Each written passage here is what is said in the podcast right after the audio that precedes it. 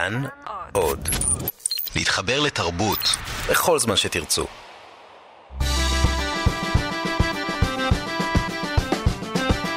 מה שקורה עם שירי לב-ארי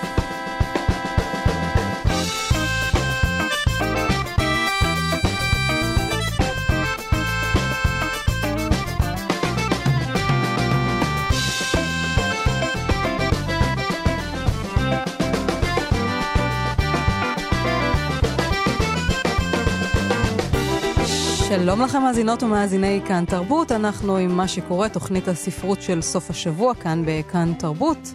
תוכנית על ספרות שקוראים, שכדאי לקרוא, איתי בצוות התוכנית עומר מנחם שליט על ההפקה, חן עוז על הביצוע הטכני, ואנחנו יוצאים לדרך.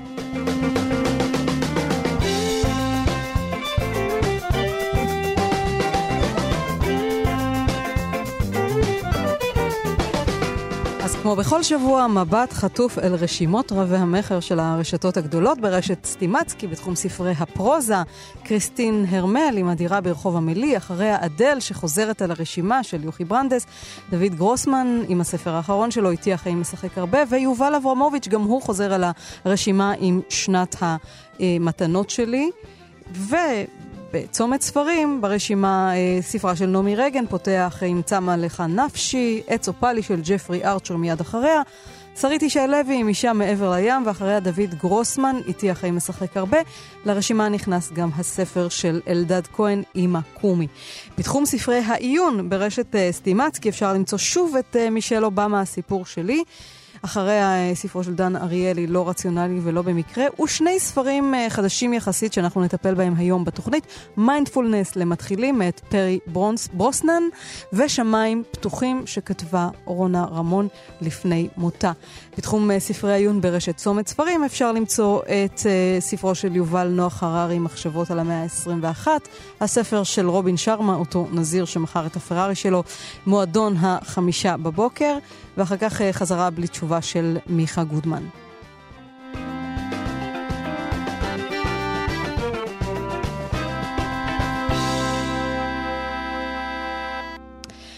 למרות שביקשה את הסכמתו לכך שנכון שמדובר בסיפור מזעזע, כזו לא הבין מה מטלטל כל כך את מיצ'יקו.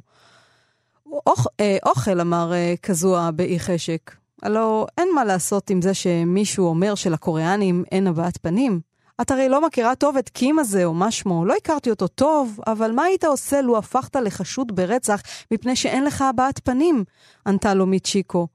למה שיחשדו בי ברצח? אמר כזו בהבעה מוגזמת של הפתעה. זה קטע מתוך uh, ספר חדש, זו שיחה בין שני אחים, uh, מצ'יקו וכזו, שעברו לחיות בגרמניה, בהמבורג, ללמוד שם, הם שני אחים מיפן, וזה מופיע בתוך uh, ספר שנקרא חתן הולך על ארבע, מאת הסופרת היפנית טוואדה יוקו. זה ספר שתורגם לאחרונה לעברית בהוצאת uh, אסיה, ובספר הזה יש uh, שתי נובלות, הנובלה הראשונה נקראת uh, פרסונה, והנובלה השנייה נקראת חתן הולך על ארבע. אה, וזו כתיבה מאוד מאוד אה, מיוחדת של אה, תיבה דיוקו, וטוב שהיא מגיעה אל מדף הספרים העבריים. אנחנו נאמר עכשיו שלום למתרגמת של הספר, מיכל דליות בול. שלום מיכל. שלום רב. זה כל כך מיוחד, הכתיבה שלה שגם מתעסקת עם המון מיתולוגיות מהתרבות היפנית. כן, אני חושבת שכן, אני חושבת שהיא קול מאוד מיוחד בספרות היפנית, היא כבר לא כל כך צעירה, אבל אני חושבת שבעשר שנים האחרונות אה, היא הופכת יותר ויותר אה, לחלק מהקנון הספרותי הבינלאומי. אני מאוד שמחה ש... שהצלחנו להביא אותה גם לארץ. הניו יורק טיימס התפעל מאוד מהסיפורים שלה, ואולי ככה גם אנחנו אה, נודע, נתוודענו אליה. אה, לא, במקרה שלי לא, אני פשוט עוסקת, אני חוקרת של יפן, אני הגעתי אליה לא דרך הניו יורק טיימס, אבל אה, הניו יורק טיימס בהחלט העלה אה, אותה על נס וכתב עליה וכתב על הספרות שלה. היא דמות מאוד מיוחדת, כי היא נולדה ב-1960, אבל בשנות ה-20 שלה, בשנות ה-80 למעשה, עזבה את יפן ומאז היא גרה בגרמניה, והיא כותבת גם בגרמנית וגם ביפנית, כך שבגרמניה היא כבר הרבה שנים מפורסמת, היא זכתה בהרבה מאוד פרסים, בפרסי ספרות הכי יוקרתיים בגרמניה וגם ב... ביפן. מחוץ לגבולות יפן היציאה שלה הייתה יותר איטית, בשנים האחרונות. באופן אישי אני הכרתי אותה דרך הזירה היפנית ולא דרך כן. הניו אז uh, הנובלה הראשונה uh, נקראת פרסונה, והיא מדברת על uh, צעירה יפנית, שמה מיצ'יקו, שהיא באה עם אחיה הקטן כזו ללמוד למשך שנתיים בהמבורג, גרמניה. Uh, היא עובדת באיזה מין מוסד פסיכיאטרי, uh, ושם סנאודיון קים, אולי זה השם של העובד, בחור ממוצא קוריאני, מואשם על ידי אחת המטפלות שהוא אנס אותה, ושם מתפתח דיון סוער במהלכו. אומרים המטופלים והמטפלים, אין לו הבעת פנים לקוריאני הזה, כמו רוב המזרח אסיאתים, ולכן אי אפשר ל- ל- להגיד, להגיד שהוא בן אדם טוב. אה, כמו שהוא נראה. וזה לגמרי מזעזע את מיצ'יקו. זה למעשה סיפור על דעות קדומות, על היכולת המוגבלת שלנו לקבל אחרים מאיתנו. היא יפנית בין קוריאנים וסינים, וכמובן גרמנים, וגם שם יש את הפער בין מערב גרמנים ומזרח גרמנים, גזענות והתנשאות מכל עבר. נכון. אמ, אני חושבת, תראי, אני חושבת שהסיפורים, גם הסיפור הזה וגם הסיפור השני, הם מאוד אוניברסליים במסרים שלהם, ואני חושבת שכל אחד יכול לקרוא אותם ו- ולהתחבר אליהם ולחשוב עליהם, אבל אני חושבת שבתור, מאוד מעניין לחשוב על הסיפורים האלה בהקשר של הזמן שבו הם נכתבו גם, הם נכתבו בתחילת שנות התשעים. אה, זה שנים שבהם יפן הייתה עדיין מעצמה כלכלית, אה, נדמה היה שהיא הולכת לעקוף את ארצות הברית בעוד שנייה אחת, ו, ומיצ'יקו, הגיבורה של הסיפור שלנו, עוזבת את יפן ואת מה שאנחנו קוראים התרבות של יפן בעם, אה, תרבות שבה, תרבות התאגידית משתלטת על כל חלקה טובה בתוך יפן, ובנשמה העדינה שלה מגיעה להמבורג וחושבת שאולי תצליח להתנער, להתנער מתפיסות עולם גזעניות ותפיסות עולם שוביניסטיות ו- ו- ולחיות באיזשהו מרחב טרנס-תרבותי, והיא מגלה שבעצם אה, לא הכל אותו דבר, גם כשהיא עוברת אל מעבר לים, אה, היא צריכה להתמודד עם אותן תפיסות קדומות ואותן תפיסות גזעניות ואותן אה, תפיסות לגביה כאישה. אה, זה, זה לא פחות חמור, כי כשהיא אה, חיה שם עם אחיה באותו בית, אז הקהילה היפנית בהמבורג לא כל כך סופרת אותה, הם מתעניינים יותר במה שאחיה חוקר. היא אמנם חוקרת ספרות אה, גרמנית עכשווית, אבל זה פחות מעניין. וגם אחיה עצמו, כזו, הוא מתנשא עליה. הוא, הוא, הוא אומר, חושב לעצמו, מותר לו לא לענות לכל מה שהיא אומרת. היא הרי רק אישה, אחות גדולה. הוא ממש מתעלם ממנה לפעמים, כשלא נוח לו. נכון, היא לא רק אישה, היא אישה יפנית, ולאישה יפנית לא חייבים לענות על כל דבר שהיא שואלת. אה, ככה הוא חושב לעצמו, והוא מרגיש נוח רק איתה בבית, רק איתה, הוא לא אוהב אף אחד אחר, כי הוא...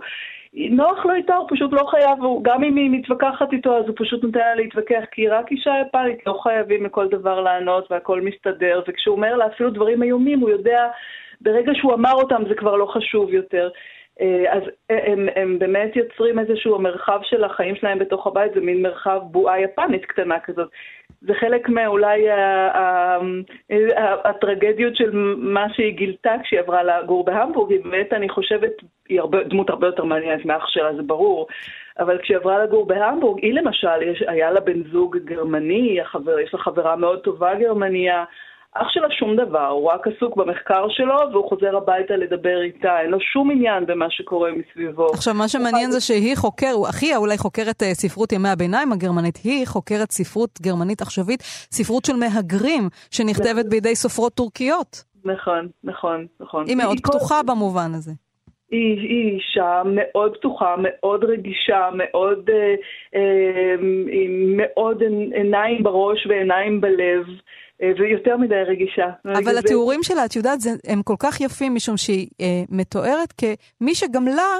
יש הבעות פנים לא ברורות. זאת אומרת, היא מודעת לזה שהמערביים לא תמיד יכולים לקרוא את uh, הבעות הפנים של המזרח אסיאתים. היא מאוד מאופקת, גם אחיה אומר עליה את זה.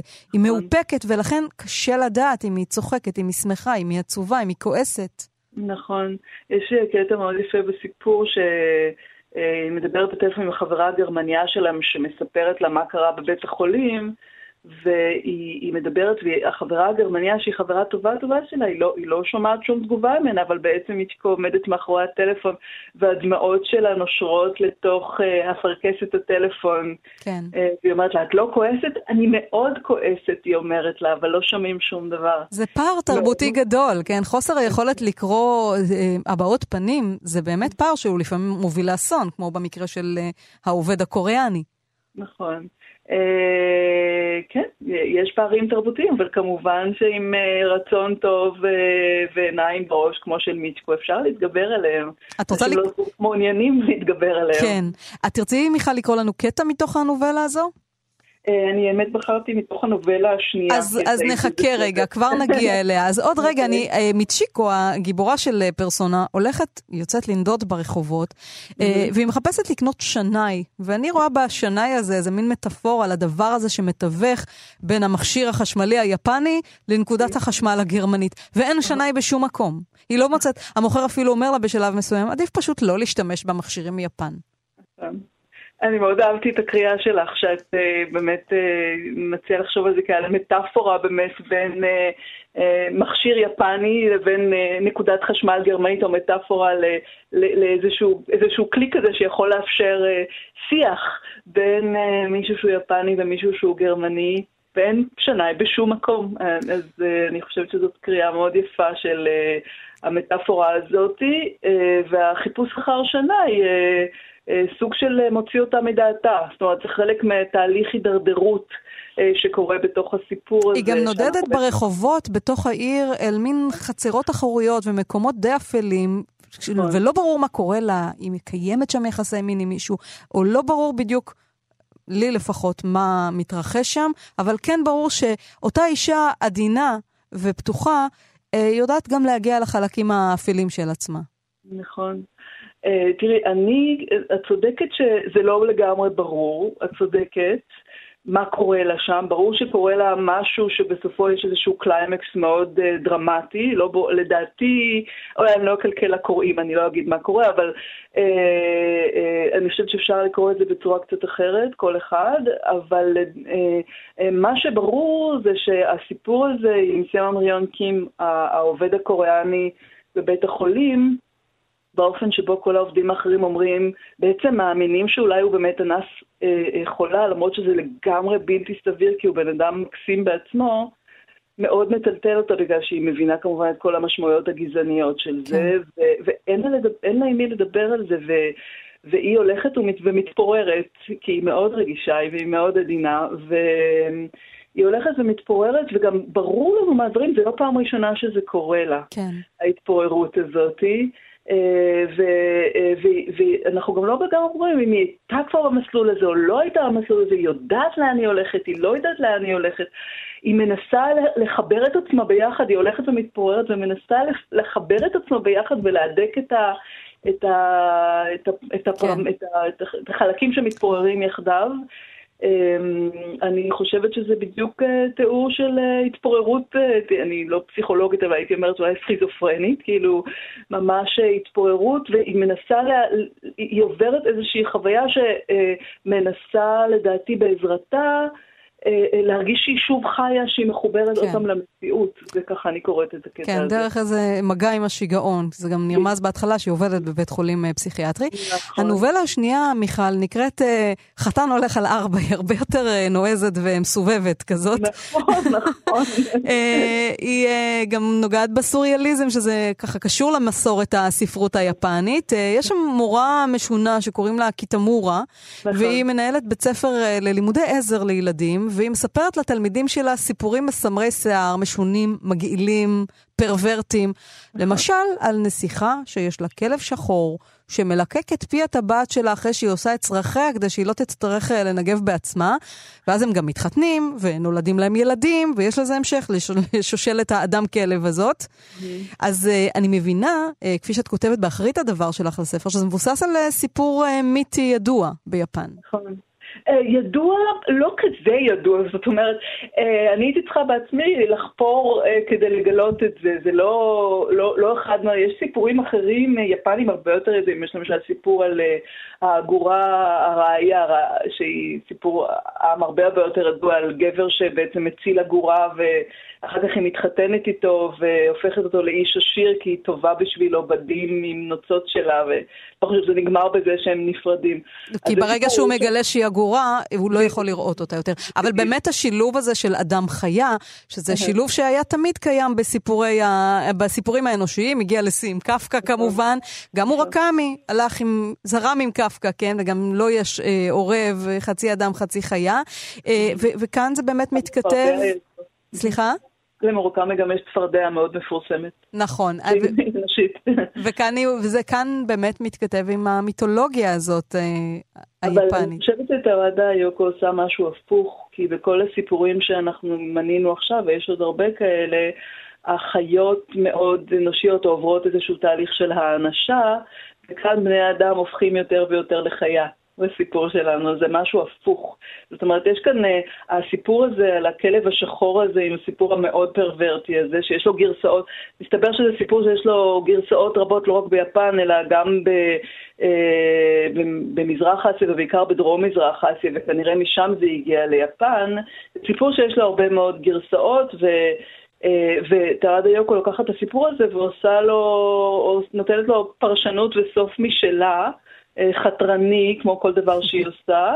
רק אה, נרמוז למאזיננו שבעצם האגדה הזאת שהמורה מספרת לתלמידים שלה עליה, על אותה נסיכה וכלב שחור, קצת מתממשת בחייה של אה, קיטמורה. מגיע איזה מין גבר גבוה, גדול, חתיך, שתקן, שההתנהגות שלו היא התנהגות חייתית לחלוטין. נכון. התחביב שלו זה בעצם לרחרח את ריחות הגוף של המורה, ואחר כך, באיזה מין היפוך מגדרי, אה, הוא מתחיל לקרצף את הבית ולנקות נכון, אותו. נכון, זה בדיוק הקטע שבחרתי להקריא, כי זה קטע נורא מצחיק. בואי נשמע. אוקיי, אז זה בדיוק קורה אחרי שהוא בא אליה הביתה בפעם הראשונה, ומקיימים איזשהו, מקיימים יחסי מין מאוד אה, אה, משונים ו- ו- ומצחיקים, והיא בשוק, בשוק לגמרי ממה שקרה, והוא עוזב אותה ונכנס לתוך הבית שלה, שבו דרך אגב הוא יישאר ב- ב- בחודשי הקיץ הבאים, אבל הוא מתנהג עכשיו, ברג, מרגע שהוא עוזב אותה ונכנס לתוך הבית, הוא מתנהג כאילו הוא בעצם רוצה שהיא תשאיר אותו בתוך הבית, בתוך, באיזושהי מין סצנה כזאת שנראית בעיניי כמו שלגיה שמגיעה לבית של הגמדים ומתחילה לנקות אותו כדי שהם ישאירו אותה שם. אז זה, זה נשמע ככה. מקץ זמן מיצקו חזרה לעצמה. היא לבשה את המכנסיים הקצרים ונכנסה למטבח. ההכנות לארוחה הושלמו, ועל שולחן אוכל נמוך היו ערוכים כוסות תה, קערות וצלחות קטנות. כפות הידיים של הגבר היו כה גדולות, שנדמה שהוא משחק בכלי אוכל צעצוע. הוא ישב שם והמתין למיצוקו. כשראה אותה, השמיע נאקת שמחה קצרה והתחיל לאכול. היה משהו מעודן באופן שבו אכל, ובו בזמן הייתה באכילה שלו עוצמה מפחידה. עוד לפני שמיצקו התחילה להניע את מקלות האכילה שלה, הוא כבר ניקה את קערת האורז שלו, ובזריזות לקח לעצמו תוספת. גם את זו הוא סיים לאכול מיד. כשמיצקו הסתכלה בתוכחה, הוא ליקק בלשונו הגדולה את הקערה עד לתחתיתה. לפתע נעמד, שלף מהמזוודה שלו סמרטוט רצפה, הרטיב אותו, שטף אותו, סחט אותו, והתחיל לנגב את רצפת המסדרון. מבטה של מיצקו נע מעצמו בין הקערה של החצי מלאה, עדיין, לבין הגבר שמנגב את הרצפה. התנועה הקצבית מעלה-מטה של שרירי הישבן של הגבר, שקרא על ארבע לנגב את המסדרון, הייתה כה מגוחכת, שהיא פרצה בצחוק. בזמן שצחקה ואכלה את האורז, לוחות העץ של הרצפה החלו להפיץ ברק עמום. כשמיצקו סיימה לאכול את האורז, הגבר הוציא מברשת מהמזוודה והתחיל לאבק את הבית. מאבק בקלילות גם מקומות שמיצוקו הייתה צריכה לעלות על כיסא כדי להגיע אליהם. כשנשרו קורי עכביש, הוא אסף אותם בידו ואכל אותם כאילו היו שערות צוותא. מיצקו ישבה זמן מה בלי ניע בתוך חלקיקי אבק המרקדים בחלל החדר ומנצנצים באור קרני השמש השוקעת. אבל אז הגבר הוציא מהמזוודה מטאטא מתקפל בצבע טחול והתחיל לטאטא את הבית ויצאה לגינה כדי לא להפריע לו. אז אה, אולי כל אישה צריכה מין אה, גבר שיש בו קצת מהטארו הזה, מהגבר כלב הזה. אה, בלי להעליב אף אחד, כן. כן. אמרתי אלמנטים, יסודות קטנים מתוך, ה, נכון. מתוך הגבר החייתי הזה. גבר, אה, חתן הולך על ארבע, כך אה, נקרא הספר של טוואדה יוקו, ואת, אה, רק נאמר למאזיננו, תרגמת את הספר מיכל דליות בול, אבל גם היית ראשת החוג ללימודי אסיה ויפן באוניברסיטת חיפה, ככה שיש לך ידע גדול בתרבות היפנית העתיקה והעכשווית. נכון. תודה שהבאת את הספר הזה אל קוראי העברית. תודה לך שראיינת אותי. להתראות. ואנחנו חוזרים עם uh, ספרה של uh, רונה רמון, uh, שמיים פתוחים, ספר שהיא השאירה אחריה. מורכב מקטעי יומנים שלה, ממכתבים, מהסברים שלה על שיטות טיפול שעברה. כך היא כותבת. לעתים חולפת בי המחשבה שכאילו כל חיי היו הכנה למשבר הזה, והמחשבה על כך מחזירה אותי לאחור, אל בית ילדותי, לחצר שופעת העצים, אל הוריי, לחברים מאז, לחוויות הנעורים. אלה הזיכרונות שעיצבו אותי כאדם, והנה דלת אחת נפתחת אל העבר, ואחריה עוד אחת ועוד אחת. שער עץ מחזיר אותי אל בית ילדותי, בית קטן ולא מרפסת קטנה. משמאל עץ תות גדול מצל על החנייה, ועץ שסק צמוד לגדר, לגדר הבית מצד ימין. אלה הם ימי מלחמת ששת הימים. שיחים סבוכים מכסים על, על חפירה עמוקה וארוכה שנחפרה לא מכבר. אני רק בת שלוש, מצטופפת עם בני המשפחה בתוך החפירה שהייתה למקלט שלנו. אמי מתרוצצת בין המקלט והבית לבדוק מה עם הילדים הגדולים. לאחי גבי בן ה-14 ולבני הדודה שלנו לא היה מקום בתוך החפירה. אני מחורבלת עם אחותי ועם בן דודי, משה בן החמש. חושך ושעון סירנות, אך אני לא פוחדת, ומשום מה דווקא מרגישה בטוחה. רק אבא חסר לי בתמונה. כך אה, רונה רמון נזכרת uh, בילדותה. שמיים פתוחים, uh, ספר שראה אור לאחרונה בהוצאת ידיעות ספרים, אחרי אסון מעבורת החלל קולומביה, שבו, שבה, שבו איבדה את בעלה אילן רמון, ניסתה רונה להמשיך כיצד ממשיכים לחיות, ובעקבות תהליך של התפוררות שהגיעה עד אובדן זהות ממש, היא יצאה למסע גופני, נפשי, רוחני, כדי לגלות איך אפשר לא רק להתמודד עם אובדן, אלא גם לצמוח ממנו. ואנחנו נאמר עכשיו אה, שלום לאיש החינוך וחברה, חילי טרופר. שלום חילי. שלום, שלום. אתה כותב אה, הקדמה לספר, ואתה אולי תספר לנו קודם איך הכרת את רונה, ואיך היה תהליך העבודה על הספר הזה. אז אה, כמו, אני זכיתי להכיר את רונה בעיקר דרך העשייה החינוכית והחברתית שלה, אחרי שהיא איבדה את אילן וגם אה, אחרי שהיא איבדה את אסף, הבן שלה, אה, רונה הקדישה את חייה לעשייה חברתית. זו מבחינתה הייתה ההנצחה הכי משמעותית ויפה לזכר יקיריה. שם פגשתי אותה בשטח, הפכנו חברים מאוד קרובים. זכיתי להיות איתה, ובעצם את רוב הספר היא כתבה אחרי מותו של אילן, לפני מותו של אסף. ואחרי מותו של אסף, ושמה את כל הדברים בצד, אחרי מותו של אסף היא התקשתה מאוד למצוא מילים לכאב, זה משהו שאני חושב שעד יום מותה היא לא ממש מצאה לו מילים. כשהיא חלתה במחלה, אז בחודשים האחרונים היא רצתה לחזור קצת לספר, ופשוט הייתי יושב איתה הרבה, קצת עובדים על הספר, והחלק האחרון בספר זה בעצם שיחות שלנו, היא דיברה, אני כתבתי וערכתי אה, דברים יותר מה, מהחלק האחרון בחיים שלה. אז uh, כמו שאתה אומר, את הספר היא כתבה אחרי מותו של uh, אילן רמון. Uh, הדמות של בנה, אסף רמון, ככה מרחפת בין השורות, אבל במרכז הספר יש אישה שבוחרת לה, להישיר מבט אל הכאב, לחקור אותו, לעבור דרכו, כן? ואם אפשר גם לצמוח ממנו. ואתם פותחים את הספר, אתה פותח ככה באחרית, בהקדמה של, שלך לספר, בציטוט מהספר הנפלא של ארי דה לוקה, הר אדוני, כשיש לך געגועים, זה לא חיסרון, זאת נוכחות. נכון, וכתבתי את זה גם מהמקום כמובן האישי שלי, ככה אני מרגיש רונה מאוד מאוד חסרה לי, אבל הגעגוע עליה זה אומר שהיא עדיין חיה בתוכי, אבל בעיקר כי כתבתי את זה מהמקום שככה רונה בעצם השאירה את אילן ואסף בעולמות שלה, כלומר היא התגעגעה עליהם, לא היה יום שהיא לא התגעגעה עליהם, שהם חסרו לה. והם היו מאוד מאוד נוכחים בעולם שלה, ואת הדבר הזה, כמו שאמרתי, לקחה לתמיכה גם אישית, היא משתפת בספר הרבה על התהליכים האישיים שהיא עברה, אבל בעיניי מה שהופך אותה לכזו אה, מופת חברתי, זה, זה העובדה שאת חייה אה, הקדישה לעשייה למען אחרים, וזו אישה שהיו לה את כל הסיבות הכי טובות בעולם לוותר, להתפרק, להתכנס פנימה, והכל זה לגיטימי, אני לא שופט אף אחד שככה פועל, אבל היא הצליחה מתוך הכאבים הנוראים האלה להתעלות ולחשוב על הילדים בפריפריה שצריכים הזדמנות, על ילד מצוין שאולי צריך כסף למלגה, לכן היא הייתה כל כך מיוחדת. אז תספר באמת, אה, מתוך התכנים של הספר, באיזה מובן הספר הזה הוא חלק ממורשת תיקון העולם שלה, כמו שאתה מגדיר את זה. אז היא גם, גם באמת, אה, יש שם אה, קטעים, נגיד, אני אקריא קטע קצר, דווקא הוא, הוא מהרגע שבו היא רואה את המעבורת של אילן ממריה, היא כתבה שם ממש יומן בזמן אמת. היא כותבת, הספירה לאחור, אני יוצרת נשימה, ילדים סופרים יחד איתי, המנועים ניצתים, שקט, עשן, והנה המעבורת מתרוממת. אני בוכה מתמלאת באושר כי אני יודעת שאתה מאושר. היא כותבת את זה לאילן. גל רעש עצום מגיע ומרעיד את כולם. הבכי פורץ ממני, זה באותם שלבים בכי של התרגשות, אני מוסיף. אני אומרת בליבי, תגשים את חלומך האהוב שלי, קדימה, אט אט המעבורת נעלמת משדה הראייה ואתם ממשיכים אל החלל. מיד אחר כך מוסרים לי ממך פרחים ומכתב בידיים רועדות, אני פותחת אותו, אהובי, אתה שם, בדיוק כמו שחלמת. כל אחד מהילדים קורא את המכתב בתורו, מבקש להיאחז במילים שלך. להתראות אחרי הנחיתה, כך כתבת לי. ואנחנו יודעים שהסוף של הדבר הזה הוא כמובן אה, שבר עמוק. כן. ואז אה, עם מותו של אסף זה שבר עוד יותר עמוק, קורה שמאבד את הילד. אבל אז היא לוקחת את זה למפעל הנצחה בית אסף, שהוא אה, בית לחניכי מכינות לזכר אסף, את כל העשייה החינוכית של חיבור לחלל ולמדע לזכרו של אילן. אגב, דף אחרי מה שאתה קראת אה, מתוך היומן שליווה את המסע ליוסטון, אה, הדף ההמראה, אז יש גם את דף הנחיתה וההודעה.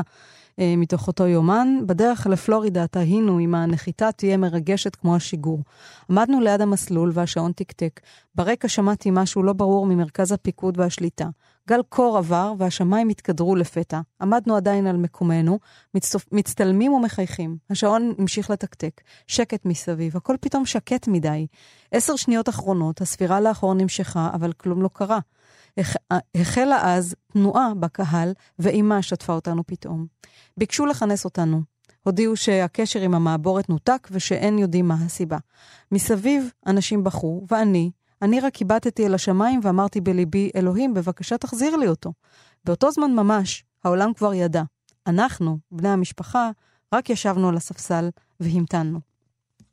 נכון, ובסוף אותו עמוד היא גם כותבת, קשה לדמיין את החיים בלעדיך, היא כבר מעכלת שידעה כן. אה, אילן. בלתי אפשרי, לכן נעשה צעד אחר צעד בקטן קטן. נכון, זה מכתב זה... שהיא כותבת לו כבר אחרי מותו, אילן שלי איננו במזג אוויר נפלא כשכולנו מרוגשים, ורק כמה דקות לפני הנחיתה נעלמה קולומביה מן המסכים, ואיתה נעלמת אתה, אילן, אהוב יקר שלי, נעלמת במקום שאהבת ונהנית להיות בו, עם אנשים אהובים, ואחרי שהשלמת משימה מוצלחת, הרגשת סיפוק, הרגשת סיפוק? בוודאי.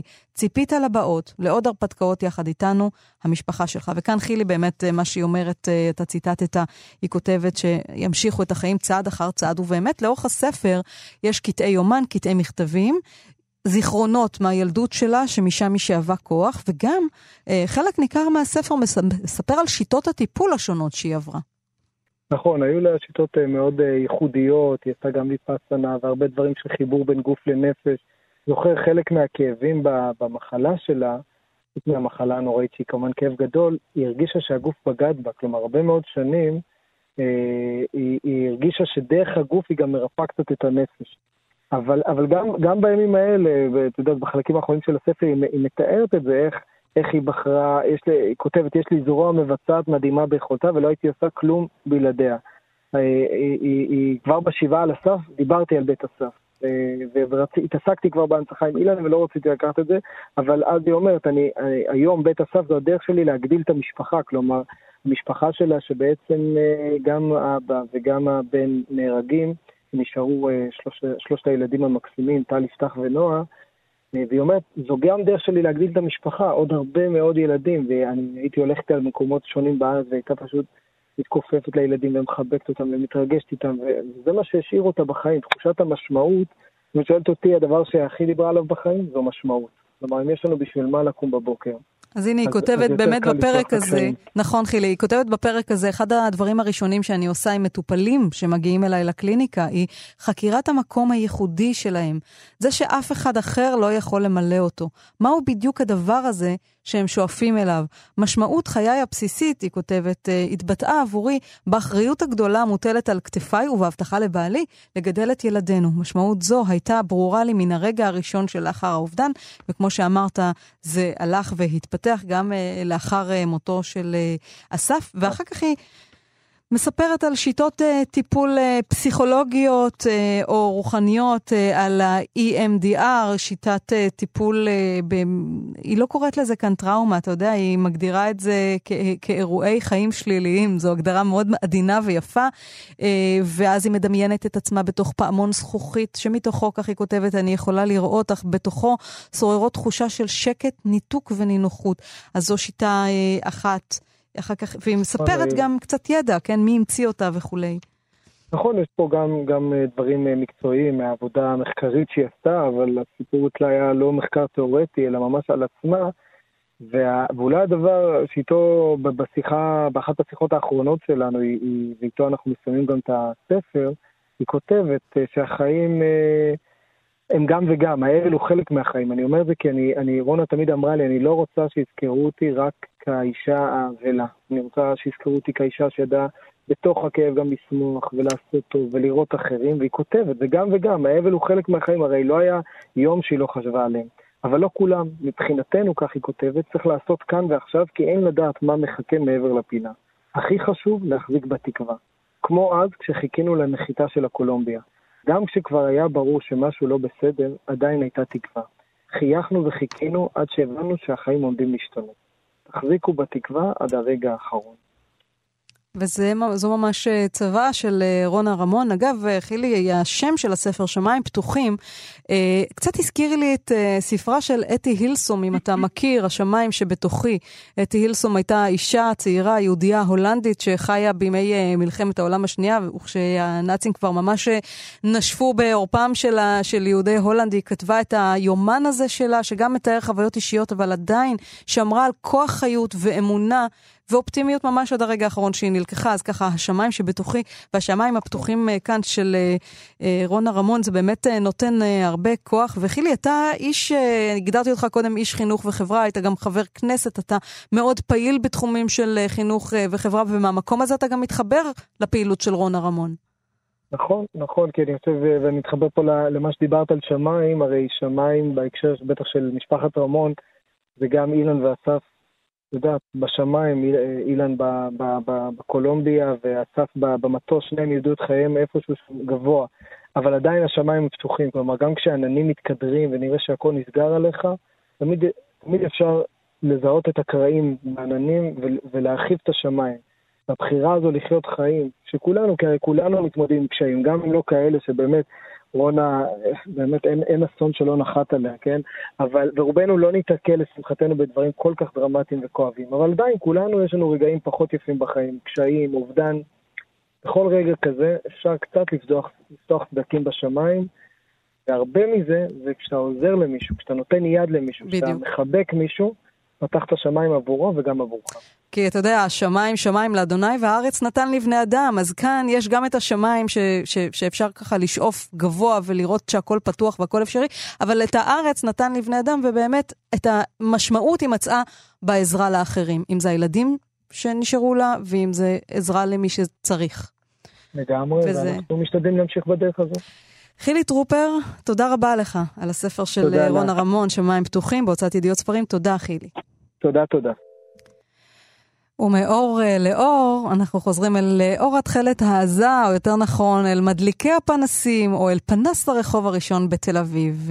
הערב, לכבוד יום הולדתה ה-96 של תחנת הכוח הראשונה, ובמסגרת שבוע הספר, חברת החשמל, ביחד עם מוזיאון נחום גוטמן, יוצרים אירוע ספרותי והיסטורי מחשמל, הייתי אומרת, שהולך להתקיים החל מהשעה ארבע וחצי אחר הצהריים היום, במוזיאון נחום גוטמן בנווה צדק. באירוע הזה המשתתפים יוזמנו לצייר פנסי רחוב מהירים, תתקיים גם אה, סדנת נתיב האור של חברת החשמל, שהמבקרים יוכלו ממש להתנסות בייצור חשמל, וגם שעת סיפור, לפי סיפור מקסים של נחום גוטמן, פנס רחוב ראשון. אנחנו נאמר עכשיו שלום לאוצרת המוזיאון, מוניקה לביא. שלום, שלום, מה שלומך? נפלא, היו היה פנס בודד בקצה שכונה. זה קצת נוסטלגיה, נכון. פנסי הרחוב האלה. אה, כן, הם חיים אה, נוסטלגיים, אבל הם גם מזכירים לנו שבני האדם בעלי תושייה ויכולת, והם יכולים להאיר מקומות חשוכים. אז ספרי לנו קצת מה, מה, מה עומד, מה הרעיון שעומד מאחורי השילוב הזה של חברת חשמל ונחום גוטמן. אה, נחום גוטמן הוא אמ, אחד המספרים של תל אביב. הוא מספר את הסיפור של תל אביב, והוא מספר את הסיפור של תל אביב על פי זיכרונותיו ועל פי זיכרונות של אחרים שהוא זוכר ומזכיר. ואחד הסיפורים שאותם הוא מספר בספר עיר קטנה ואנשים במעט, שזה ספר של כל מיני אנקדוטות על אה, היווצרותה של תל אביב ועל הדמויות שהיו בה. יש שם גם את הסיפור של הפנס הראשון, שהיה פנס שהודלק אה, בנפט.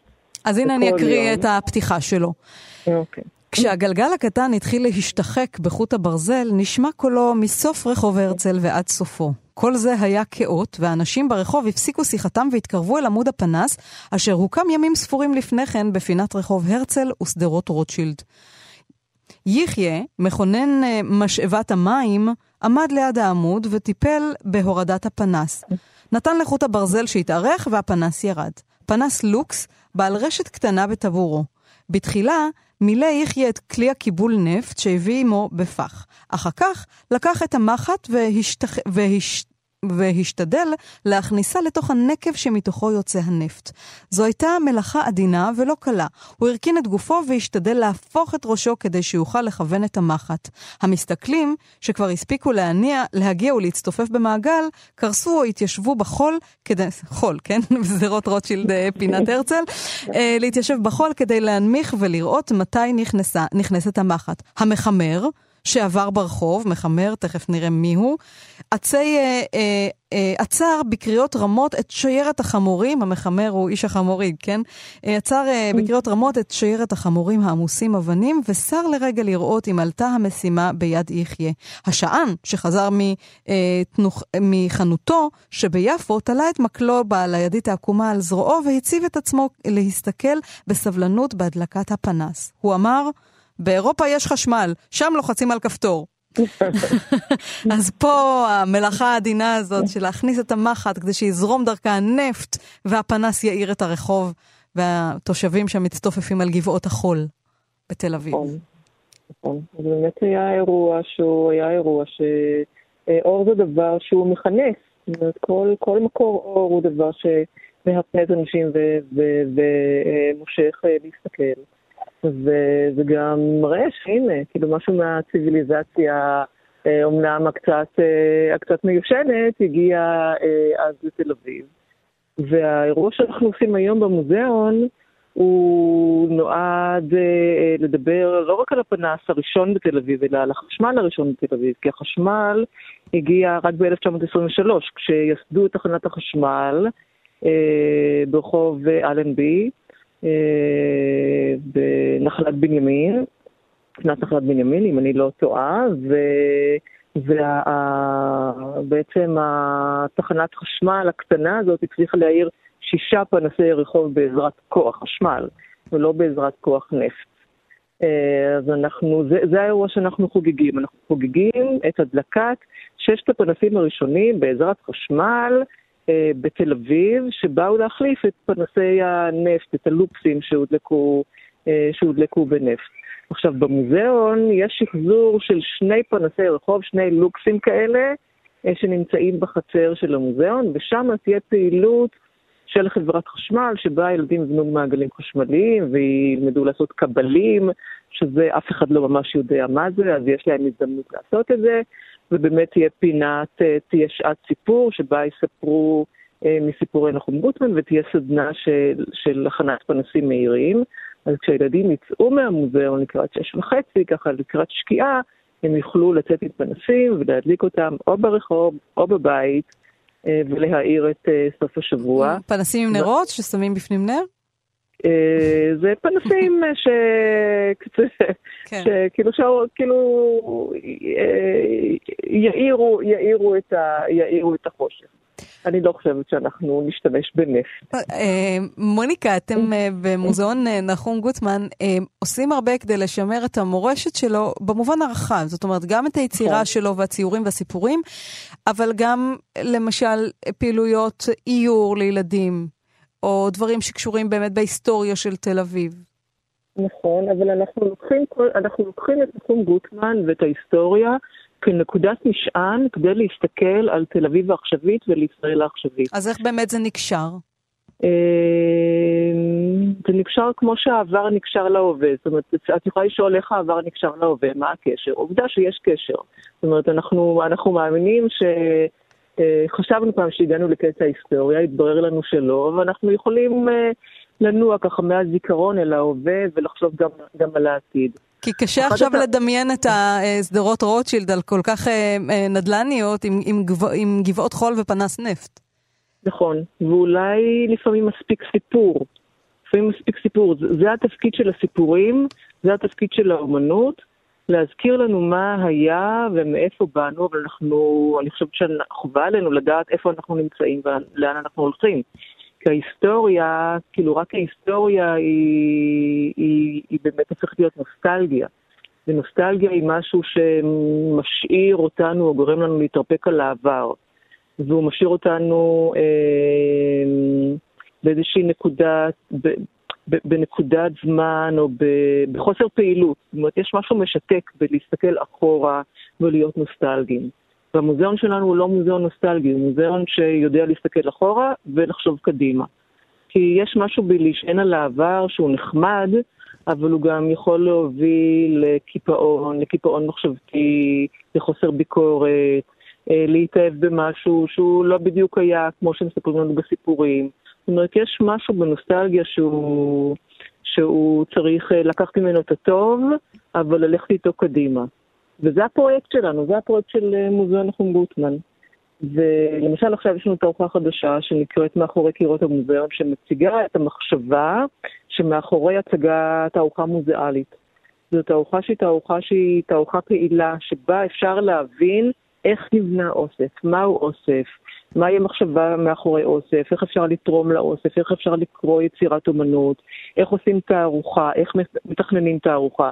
אנחנו משתמשים באוסף של המוזיאון, זאת אומרת, כאילו בהיסטוריה, במה שיש במחסנים של המוזיאון, אבל אנחנו מזמינים את, ה, את המשפחות, את הילדים, כן. את, את אנשים שלא יודעים איך, איך, איך עושים תערוכה מוזיאלית, שהכל נראה להם משהו מאוד מאוד מובן מאליו, אנחנו מזמינים אותם להשתתף, לחשוב ולעשות תערוכה שלהם יחד עם עבודות כן, של איך בעצם גוטמן. מייצרים תערוכה במוזיאון?